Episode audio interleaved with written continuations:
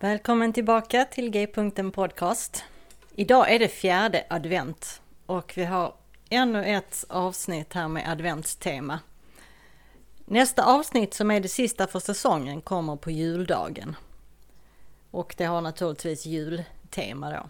Idag är det alltså fjärde advent och tema för den här eh, dagen är eh, Herrens moder i kyrkoårets.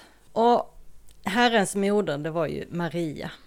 Och jag tror att hon kan ha känt så här, eh, så kom du då till sist, när Jesus äntligen föddes. Och kanske undrade hon, vad ska det bli av det här? Och ju fler gånger jag läser och hör hela julberättelsen, desto ja, men större respekt känner jag ändå för Maria, den här tonårsflickan som fick utstå så mycket i livet, ja, som vi inte ens kan föreställa oss. Det är inledningsord som brukar läsas just för den här dagen, den är hämtat ur Lukas evangeliets första kapitel och verserna 26 till 38. Det är när ängeln Gabriel kommer till Maria med budskapet att hon ska bli mor till Guds barn Jesus. Jag tror en hel del av oss har sett julspel och så med änglar som är sådär små vita söta varelser med guldhår och vingar och de sjunger fint och sådär som ett bokmärke ungefär. Men änglarna i bibeln är ju inte riktigt sådana, möjligtvis de som, som sjunger i kören. Men, men annars så är de väldigt stora och skrämmande ljusvarelser eller så är de förklädda till människor ofta. Det står om befälhavaren för Herrens här. Det är ärkeängeln Mikael. Så varje gång en ängel kommer på besök till människor så måste de säga Var inte rädd. För att människorna blev vettskrämda när de kom. Och så var det även här då. Maria hon blev säkert jätterädd så ängeln Gabriel sa Var inte rädd. Och jag tror hon måste ha varit bekant med Gamla Testamentets skrifter ändå så att hon förstod att det var en ängel från Gud. Och kanske hon var så uppslukad av själva upplevelsen att hennes svar i den här stunden var självklart. Jag är Herrens tjänarinna, må det ske med mig som du har sagt. Hmm. Ja, det kan ju ha känts lite skumt efteråt. Speciellt när hon upptäckte att allt ängeln hade sagt också började hända. För vad, vad skulle alla i byn säga? Som tur var besökte ju ängeln också Josef efter att han hade flippat ut och tänkt lämna henne. Men alla andra då? Undrar vad de skulle säga. Och Maria hon var ju så ung, hon visste nog inte så mycket om graviditeter och barnafödande. Bara det hon själv sett och hört när hon tjuvlyssnat utanför någons fönster där det föddes barn eller pratades om illamående och foglossningar. Men tänk, här är ändå en, ännu en sån händelse där man kan se Guds plan och Guds hand om man tittar efter. För ängeln hade ju berättat om Elisabet, Marias äldre släkting, som också var gravid. Ni vet Elisabet, det är hon som blev mamma till Johannes döparen som vi pratade om förra veckan. Eh, och hon var, ju, hon var ju gravid då, fast hon hade varit steril i många år. Så naturligtvis så åker ju Maria till Elisabet. Kanske Maria erbjuder sig att gå, gå, gå till henne för att hjälpa till och bistå henne under hennes graviditet och förlossning. Och, och Elisabet förstår utan att Maria behöver säga något. Den heliga ande ser själv till att underrätta henne om vad som har hänt med Maria. Hon som själv varit med om Guds mirakulösa ingripande förstår genast att även Maria har varit med om detta. Ja, kanske till och med ännu mer fantastiskt. För det var ju inget vanligt barn som Elisabet bar på, men det var ändå inget jämfört med Marias barn. Så därför blir det den äldre kvinnan som hälsar den yngre med respekt och vördnad. Marie, eller Elisabet säger till Maria, välsignad är du mer än andra kvinnor. Och det var inte bara Elisabet som jublade av glädje när Maria kom, för även barnet som hon bar på, Johannes alltså, som 30 år senare skulle döpa Jesus. Han sparkade till inuti henne eh, av glädje, står det. Så det eh, verkar inte bara vara ett möte, utan två. Det är inte bara Maria som möter Elisabet, utan också Jesus som möter Johannes. Allting i eh, Gamla Testamentet på olika sätt strävar fram framåt i tiden. Och mycket ser vi uppfyllt i Nya Testamentet. För i Lukas första kapitel också så står det ju om Johannes. Det står att han ska gå före honom med Elias ande och kraft för att vända fädernas hjärtan till deras barn och ge dem ohörsamma ett rättfärdigt sinne så att Herren får ett folk som är berett. Och det här är en profetia från Malaki i Gamla Testamentet. Att fädernas hjärtan ska vändas till, deras, eh, till de unga. Den äldre generationens hjärtan ska vändas till deras barn. Och det sker ju här. Eh, Elisabet tar sig an Maria. Fädernas, mödrarnas hjärtan, den äldre generationens hjärtan, vänds till barnen och de unga. Hon berättar allt som Maria behöver veta. Hon visar och hjälper henne med allt som är osäkert. Både med det fysiska men också med det andliga säkert. Och när Maria varit med om att förlösa Johannes så åker hon tillbaka till Nasaret och tar sig an resten av uppdraget. Och ett par månader senare så börjar ju äventyret. Höggravid på en åsna mot Betlehem. Och även den här berättelsen har ju genom åren blivit lite, ja vad ska vi säga, urvattnad, gullig och mysig. Alltså missförstå mig rätt nu, jag menar inte att vi inte ska ha julspel eller så, det är klart vi ska. Vi ska fortsätta låta barnen gestalta anledningen till att julen, julen firas överhuvudtaget. Så det är klart vi ska ha julspel.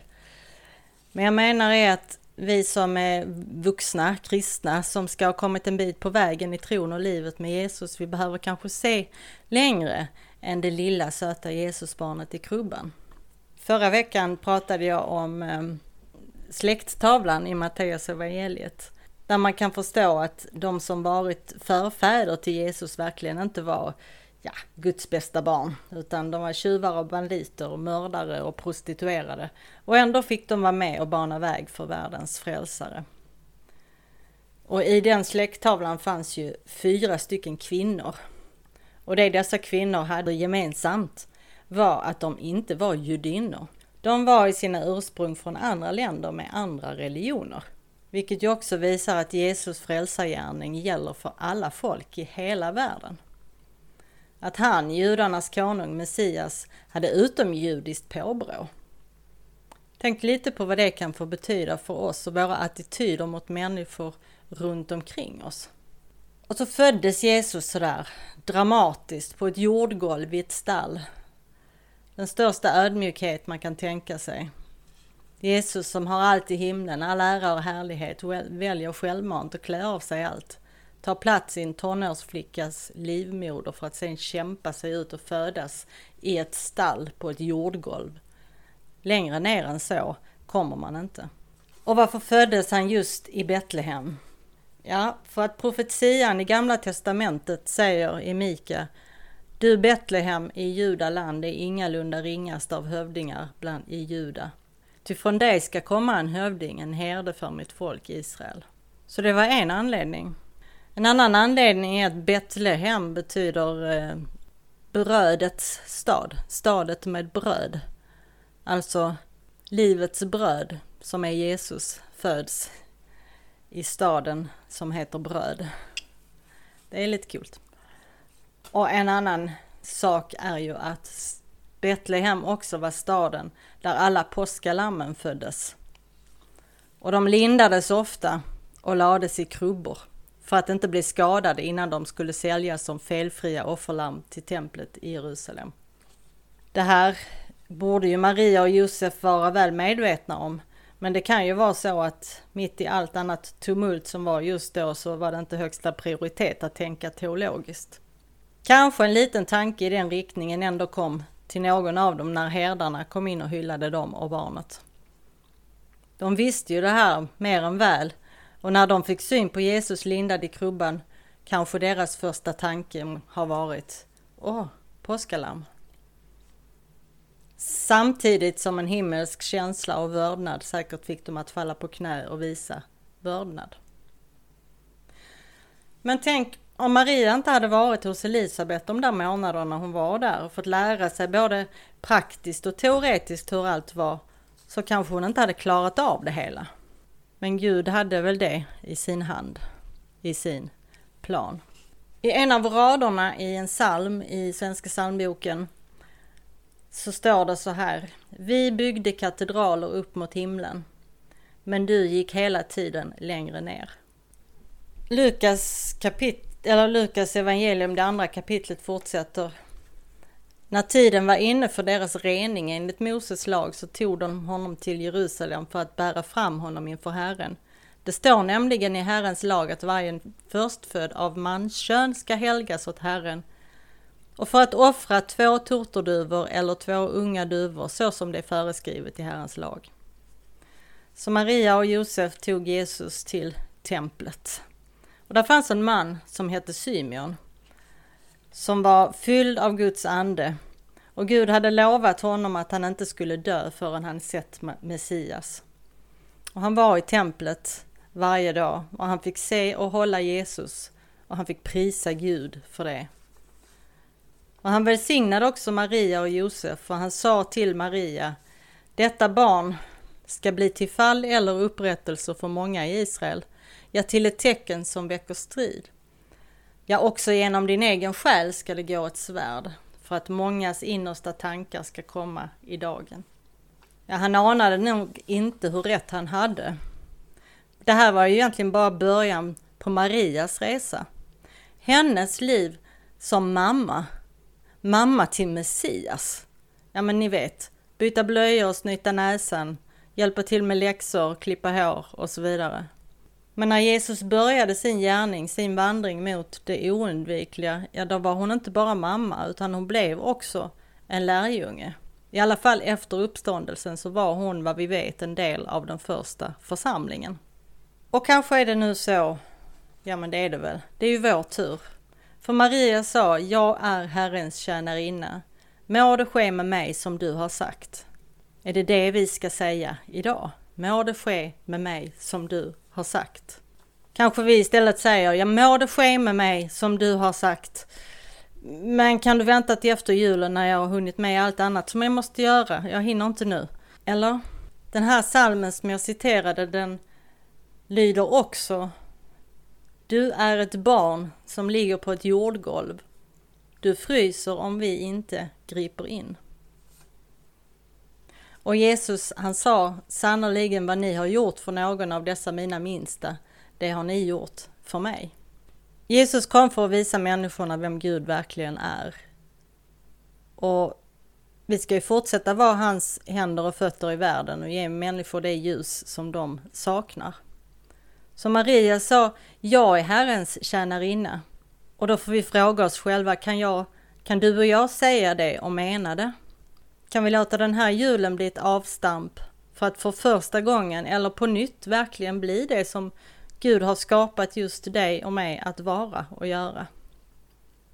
Må det ske med mig som du har sagt.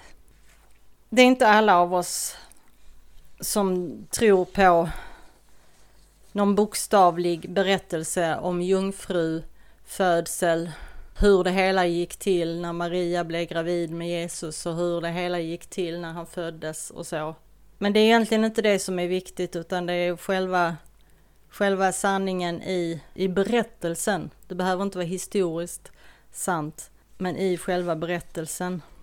Det som ligger djupare, att överlämna våra liv till Gud som Maria gjorde oavsett vilken bild vi har av Gud, vad vi kallar Gud. Det finns en övning som är inspirerad eller som är skriven av eh, före detta pastorn och författaren Brian McLaren. Presenting our lives to God. Alltså att lämna, lämna fram våra liv till Gud. En övning i advent inspirerad av Maria. Det står att alla upplever vi ibland en känsla av frustration och besvikelse och otålighet och förtvivlan.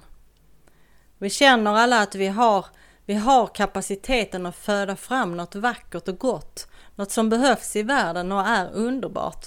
Men möjligheterna och våra förhoppningar förblir ouppfyllda och så lever vi på ena eller andra sidan av förtvivlans gräns. Men då, då händer det omöjliga.